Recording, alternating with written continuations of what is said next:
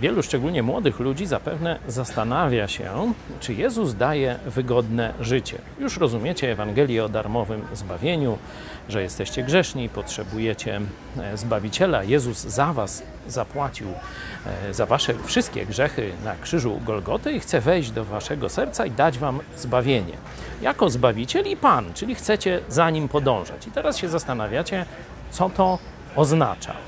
Czy Jezus da Wam spełnienie Waszych właśnie pragnień z poziomu wygodnego życia?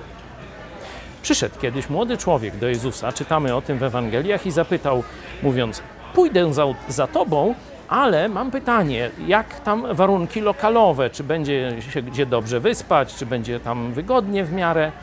I możecie sobie sprawdzić w Ewangelii, co Jezus mu odpowiedział że Syn Człowieczy, Bóg, który przyszedł na ziemię, nie ma na ziemi swojego miejsca, gdzie by mógł głowę położyć, czyli nie ma swojego mieszkania, pokoju i tak dalej.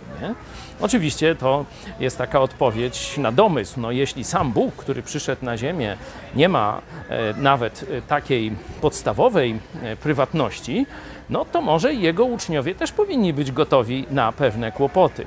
Oczywiście nie chcę absolutnie powiedzieć, że Jezus chce, żebyśmy się umartwiali, leżeli na wycieraczce i tak dalej. Apostoł Paweł powiedział: Umiem żyć w biedzie, ale umiem też żyć w luksusie. Nie wiemy, co Bóg nam da, ale mamy być dla Jezusa gotowi na wszystko.